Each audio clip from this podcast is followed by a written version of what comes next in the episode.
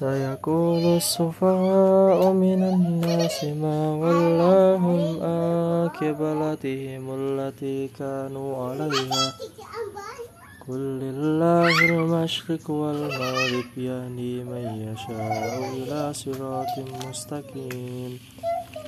وكذلك جعلناكم أمة وسطا لتكونوا شهداء.